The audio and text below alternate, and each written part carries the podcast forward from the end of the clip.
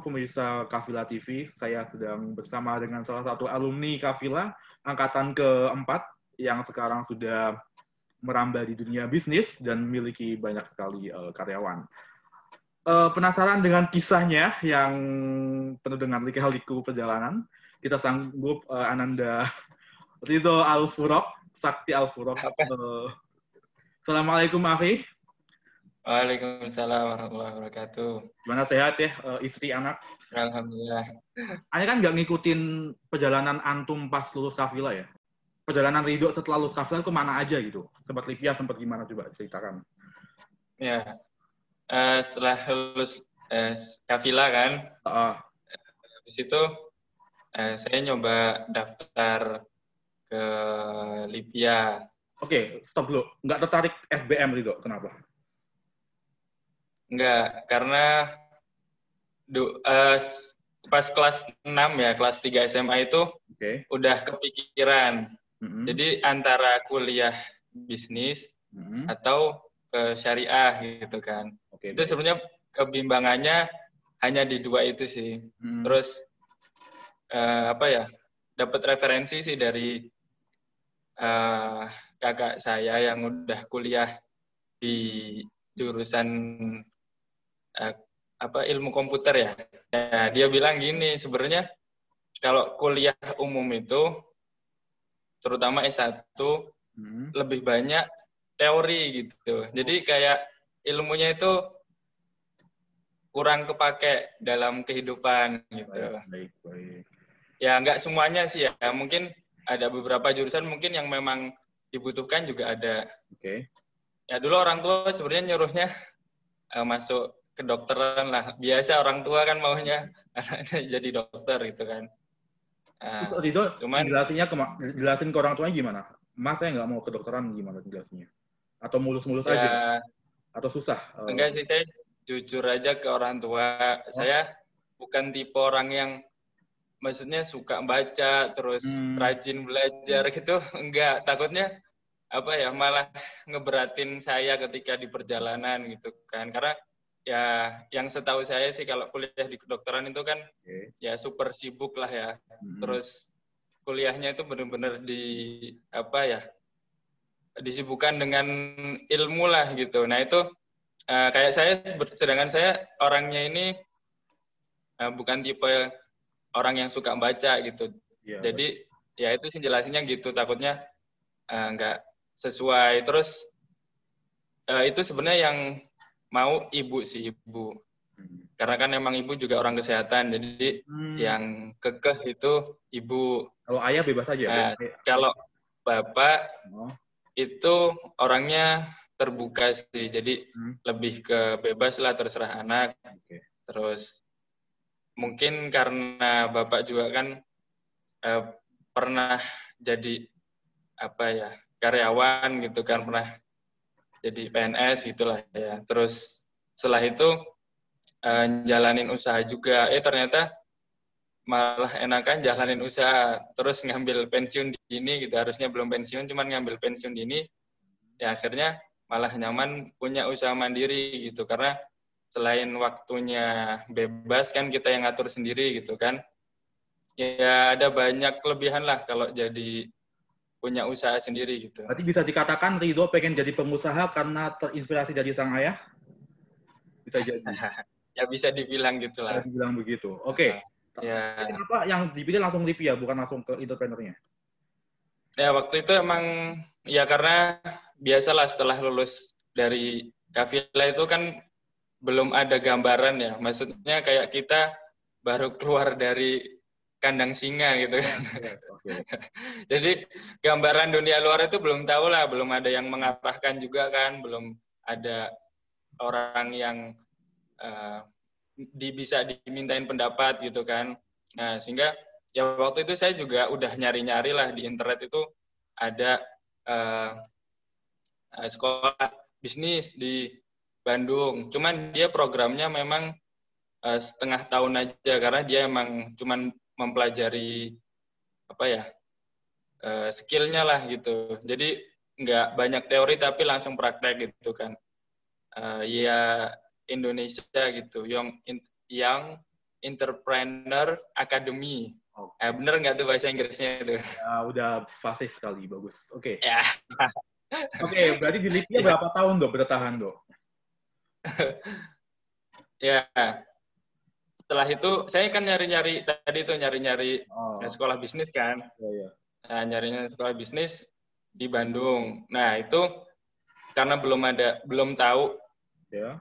hanya dari internet aja. Saya kira karena pakai bahasa Inggris gitu kan, saya yang takutin tuh maksudnya di situ orang-orang yang inilah gitu orang-orang yang keren gitu sedangkan saya takutnya nggak bisa masuk ke situ karena ternyata enggak itu sekolahnya ada salah satu mentor bisnis lah namanya Mas Jaya Setia Budi yang waktu itu nulis buku The Power of Kepepet tuh yang sempat viral ya, di Kavila ya kan?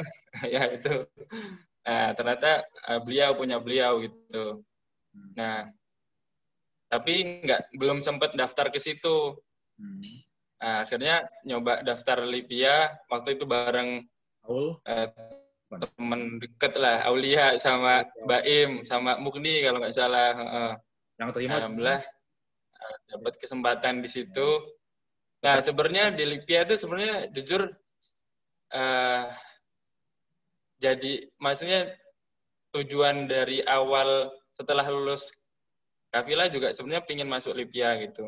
Artinya sebenarnya salah satu tujuan saya juga sih gitu. Nah cuman mungkin salah satu faktor yang buat saya nggak betah gitu ya. Teman deket tuh beda kelas gitu. Oh. Aulia sama Baim ya, ya. di kelas apa ya? Kelas apa-apa gitu. Nah saya di beda kelas gitu. Nah mungkin itu sih yang buat saya kurang nyaman di uh, Libya. Jadi bertahan berapa semester itu di, di Libya? Nah, itu cuman sat, berapa ya? Nggak sampai satu semester kalau nggak salah. Oh. Nah, terus di situ dengar-dengar tuh di samping Libya ada apa sekolah bisnis yang apa basicnya lumayan islami lah gitu. Okay. Namanya Umar Usman. Okay. Nggak jauh sih dari Libya itu nggak jauh lah. Paling uh, sekitar 200 100 sampai 200 meter. Nah, setelah dari Libya itu ya agak tertarik sih untuk daftar ke situ. Ya akhirnya coba daftar di situ dan ya sedikit banyak belajar dari sana. Cuman kalau boleh jujur sebenarnya uh, skill bisnisnya lebih belajarnya lebih di mandiri sih, lebih suka baca buku sendiri, ya nonton video-video dari banyak uh, motivator dan entrepreneur muda gitu kan. Uh, lebih lebih apa ya, lebih banyak belajar sendiri sih sebenarnya gitu. Kan Rido sebelum ke titik ini kan pasti banyak trial dan error ya. Banyak coba gagal coba hmm. gagal bisnis. Bisa jelaskan yeah. awal bisnis apa aja yang gagal sampai sekarang di titik ini? Ya, pengalaman pengalaman bisnis saya yang apa ya lumayan menarik ya. Jadi waktu itu saya buka uh, kedai jus gitulah. Okay. Ya ruko, ya pokoknya kedai jus gitulah ya. Nah itu di nggak jauh dari Kavila. Itu uh, pertama kali saya buka usaha yang nyewa ruko, yang persiapan apa ya peralatannya segala macamnya, terus uh, gimana ngerekrut karyawan segala macamnya itu perdana pertama kali setelah lulus kafila. Okay. Nah, alhamdulillah bisnisnya jalan selama satu bulan. Jadi setelah satu bulan tutup. Bangkrut atau itu? Ya bangkrut lah karena memang itu modal nekat, modal semangat, modal semangat tanpa ilmu, modal semangat tanpa ilmu. Jadi ya intinya karena waktu itu kepikirannya pokoknya nyobalah buka usaha gitu kan. Nah itu bener-bener ilmunya masih nol banget. Makanya saya buka jus di saat musim hujan. Oh. Okay. ya ya kan benar-benar modal nekat dan modal semangat tuh. Jadi benar-benar tanpa ilmu saya nggak nggak buat apa ya planning siapa target pasarnya, terus nggak buat planning apa berapa target misalkan per hari yang harus dijual gitu kan, berapa cup gitu segala macamnya nggak ada sama sekali, benar-benar modal nekat. Dan waktu itu emang saya sebenarnya nggak bisa buat jus gitu. Jadi hanya rekrut karyawan yang bisa buat jus. Uh, dia uh, malah dia yang bisa gitu. Saya nggak bisa. Emang benar-benar modal nekat lah. Ya, akhirnya itu setelah, setelah jus gagal, apalagi bisnis yang dicoba-coba? Nah, setelah jus gagal, uh, jadi saya ya lihat juga sih ada info gitu, uh, pelatihan kayak internet marketing gitulah ya, digital marketing uh, di Bogor waktu itu. Selama satu bulan. Nah, jadi dari sisa uang tabungan waktu itu daftar kalau nggak salah 5 juta atau 5 juta. Stay di situ selama satu bulan dikasih makan fasilitas ada wifi-nya juga. Pokoknya kita tinggal belajar aja lah itu kan. 5 juta sebulan nah, di situlah wow. gimana? 5 juta sebulan iya 5 juta sebulan tinggal di mana di wisma hotel layak nggak tempat tinggalnya ya perumahan sih perumahan oke okay. uh, ya layak sih ya di situ mulai itu mengenal dunia digital marketing dari situ tuh mulai ngerti lah cara dapetin uang dari internet itu seperti apa. Itu awal banget apa ya? Awal yang membuka wawasan saya lah tentang dunia digital marketing ya dari situ. Nah, setelah dari situ dan di situ juga saya ketika datang ya itu benar-benar bisa dibilang orang yang nol lah gitu. Jadi ketika mentornya jelasin tentang ini itu ini itu yang lain ngerti. Sedangkan saya bahasanya aja nggak ngerti gitu. Bahasanya itu nggak ngerti benar-benar nggak ngerti. Jadi ada waktu itu pesertanya kalau nggak salah ada kurang lebih 10 orangan lah hmm. ada dua orang saya sama teman saya dari Malang hmm. itu yang benar-benar dari nol gitu jadi yang mereka obrolin itu bahasanya kita pun nggak ngerti sih kalau di dunia digital marketing kan banyak bahasa-bahasa yang ya bahasanya mereka lah gitu yang nggak biasa hmm. orang dengar gitu kayak ada istilah namanya uh, eh, CPC, CTR gitu nggak oh. pernah dengar kan? Ya, ya. Nah itu ada uh, itu ada ada artinya sebenarnya gitu. Nah cuman karena kita nggak pernah masuk di dunia itu makanya bahasanya pun bener-bener nggak ngerti gitu. Okay. Nah terus di situ saya justru belajar banyak dari teman saya bukan dari mentornya karena jujur mau nanya ke mentornya malu kan karena bener-bener dari nol gitu. Iya. Nah jadi eh, dulu ada temen yang ya alhamdulillah karena kita apa eh, tinggalnya barengan di satu rumah kan. Nah akhirnya saya banyak belajar justru dari temen gitu.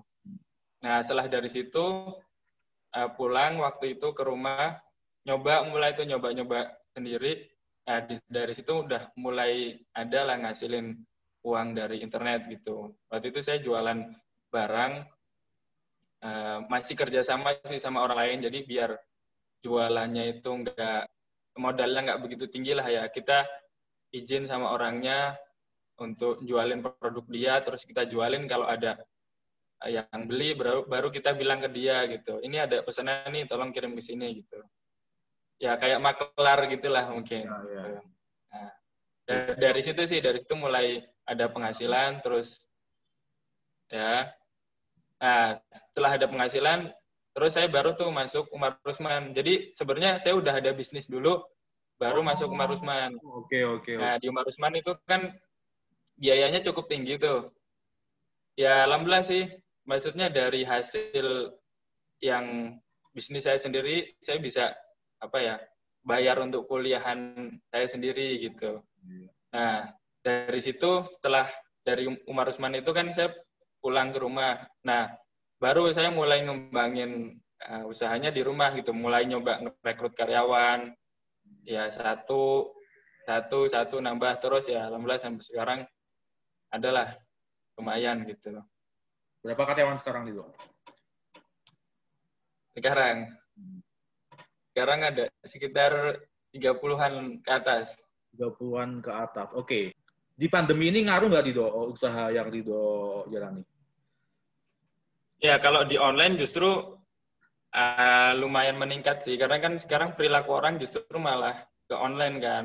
Okay. apa apa belanjanya online kan segala macamnya online sampai belajar pun online gitu kan. Nah justru di masa pandemi ini ya yang yang saya rasakan justru malah ada peningkatan gitu. Oh malah meningkat ya yang lain turun yang lain meningkat ya?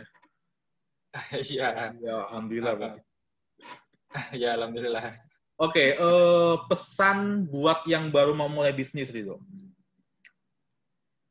pesannya apa ya yang pertama uh, belajar sih hmm. belajar uh, yang saya pernah dapat gitu okay.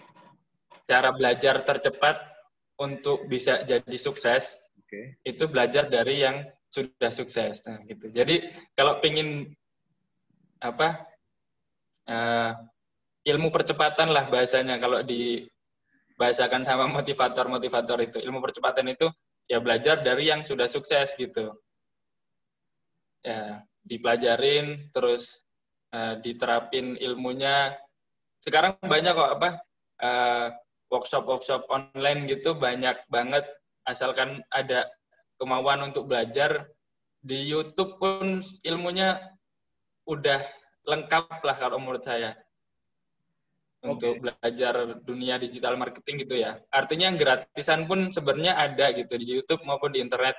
Nah, kalau mau yang lebih uh, bagus lagi, yaitu yang berbayar lah. Karena biasanya kalau berbayar itu ada mentoringnya. Nah itu yang kita manfaatin kan. Mentoring itu kan yang paling penting tuh. Jadi ketika kita salah, ada yang ada orang yang bisa ditanya gitu kan. Jadi ketika kita melenceng, ada orang yang ditanya. Nah, in, ya mungkin kalau mau apa namanya mulai usaha terutama di dunia digital marketing gitu ya. Sekarang udah banyak banget lah ilmunya tadi yang gratisan maupun yang berbayar gitu. Nah pesannya tadi yang pertama belajar eh, yang kedua uh, jangan menyerah gitu. Jadi kalau udah pernah mungkin udah pernah nyoba gagal nanti pasti pasti namanya bisnis itu enggak semulus apa ya ekspektasi. nyoba langsung sukses itu nggak ada nggak ada ceritanya lah. Pasti yang namanya kegagalan itu dalam hidup pasti ada. Nah makanya mungkin pesan keduanya jangan menyerah sih. Setelah gagal harus berani nyoba lagi nyoba lagi nyoba lagi. Kan biasanya kan orang mau mulai bisnis kan nggak mulai-mulai karena bingung mau bisnis apa gitu. Itu gimana tuh? Mm -hmm. saya gitu kan. Yeah. mulai tapi bingung. Barangnya apaan yang mau dijual ya? Itu gimana tuh? Nah kalau bingung ya gini sih apa namanya tadi eh, kembali ke yang awal belajar dari yang sudah sukses nah jadi tinggal ngelihat aja nih misalkan Mr. Bowo bingung mau bisnis apa okay. ya ya ngelihat aja ngelihat dari misalkan dari orang yang sudah sukses okay. pola bisnisnya itu seperti apa ya kan? Nah, terus mungkin bisa juga memperhatikan sih kayak apa kalau di dunia online itu udah mudah banget sih kak. Kayak ada Shopee, Tokopedia, Bukalapak di situ kan bisa buka toko tinggal naruh barang gitu kan. Nah, nanti tinggal iklankan ya emang semua itu ada ilmunya sih. Makanya kalau bingung sebenarnya mending cari informasi workshop tentang bisnis. Ya, walaupun berbayar, itu kalau bisa diikutin karena gini ya, mungkin uh, apa ya mindsetnya ada orang yang yang bilang kalau ada yang gratisan kenapa harus yang berbayar gitu kan. Nah kalau saya pribadi justru di workshop itu gini kalau workshop itu gratisan itu ibaratnya baru kulitnya yang dikasih tahu nggak mungkin bakalan dikasih tahu ya. sampai dalemannya itu nggak mungkin. Okay. Nah, nah, justru kalau workshop yang berbayar, nah itu justru benar-benar dikasih ilmunya, benar-benar dimentorin. Nah, makanya kalau mungkin bingung mau bisnis apa, mending cari workshop tentang bisnis gitu, yang benar-benar real jalanin bisnis ya, bukan workshop yang tentang manajemen bisnis atau tentang keuangan itu beda lagi, tapi benar-benar workshop yang langsung bisnis gitu. Nah, mungkin kalau teman-teman mau nyoba mulai masuk ke dunia entrepreneur, mungkin bisa uh, ngikutin channel-channel apa ya pengusaha di YouTube, Facebook, Instagram sekarang juga banyak kak gitu. Oke, okay, um, nah, gitu. modal iklannya itu mm-hmm. berapa kira-kira ik- biaya iklan yang dikeluarkan buat ngembangin usaha online? Ya kalau di online sih itu beda-beda.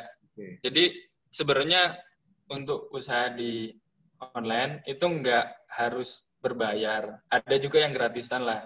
Ya misalkan kayak kita punya produk, nge-share di grup, terus membuat story di WA, di Instagram itu kan sebenarnya um, masih bisnis juga kan bisa dimasukkan dalam kategori bisnis dan itu pun tidak berbayar gitu kan. Nah cuman uh, biasanya sih kurang powerful gitu, kurang berefek nah. karena yang dijangkau itu mungkin kan hanya lingkungan kita aja ya teman-teman kita yang tahu tentang kita aja. Nah kalau untuk yang lebih menjangkau lebih luas lagi itu emang uh, biasanya kita gunakan uh, promosi berbayar gitu yang bisa ngejangkau seluruh dunia lah gitu nggak cuma Indonesia gitu jadi supaya orang bisa tahu apa yang kita jual apa yang kita tawarkan gitu kan nah, itu bisa pakai uh, yang berbayar dan itu tarifnya itu berbeda-beda kak minimal sekitar 20 ribu pun sehari bisa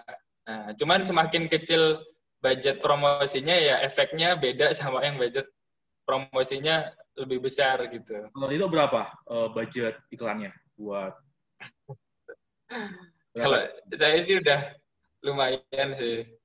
Sehari itu uh, bisa di atas 30-an juta sehari. Buat iklan saja?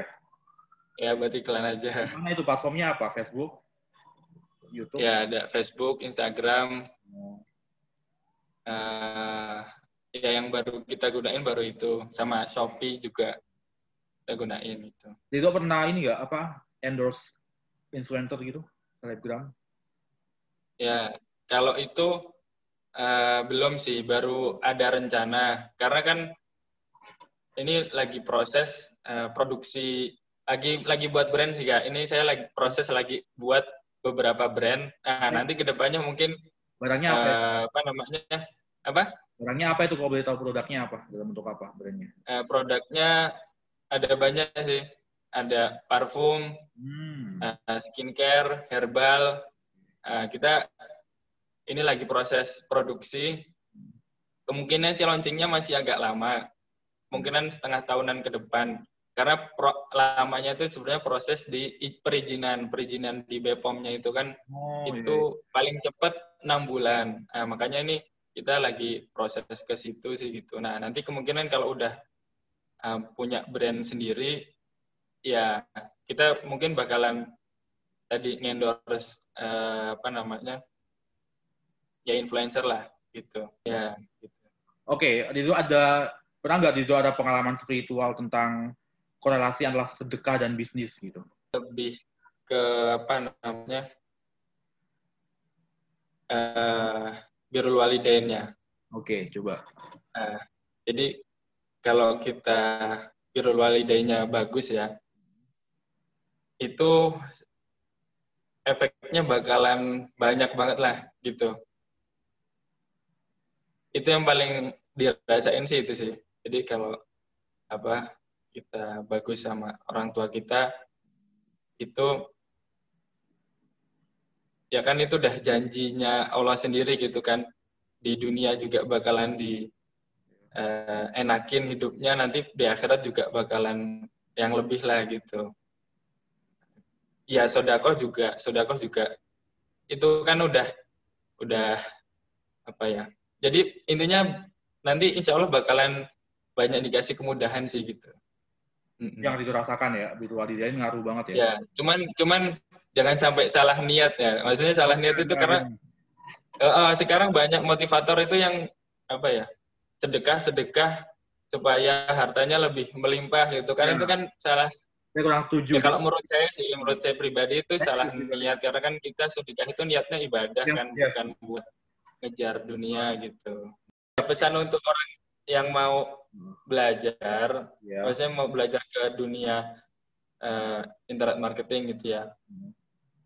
Nah, tadi coba cari searching tentang workshop yang berbayar. Nah, cuman mungkin sebelum ngikutin workshop yang berbayar, ada lebih baiknya itu belajar dulu dari YouTube. Jadi biar tahu dulu ilmu dasarnya nih. Nah, jadi ketika ngikutin workshop yang berbayar tuh udah nggak nol banget. Jadi nanti udah mulai bisa ngikutin. Nah, manfaatkan cari apa ya workshop yang ada uh, jasa mentoringnya. Jasa mentoring tuh kayak bisa bertanya kapan pun, walaupun mungkin cuma sebulan, dua bulan gitu kan.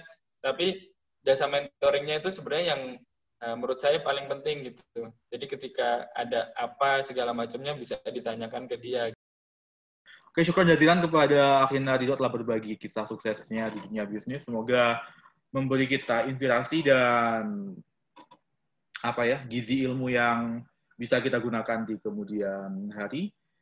Uh, terima kasih telah meluangkan waktu akhir itu. Ya, sama-sama. Salam buat keluarga.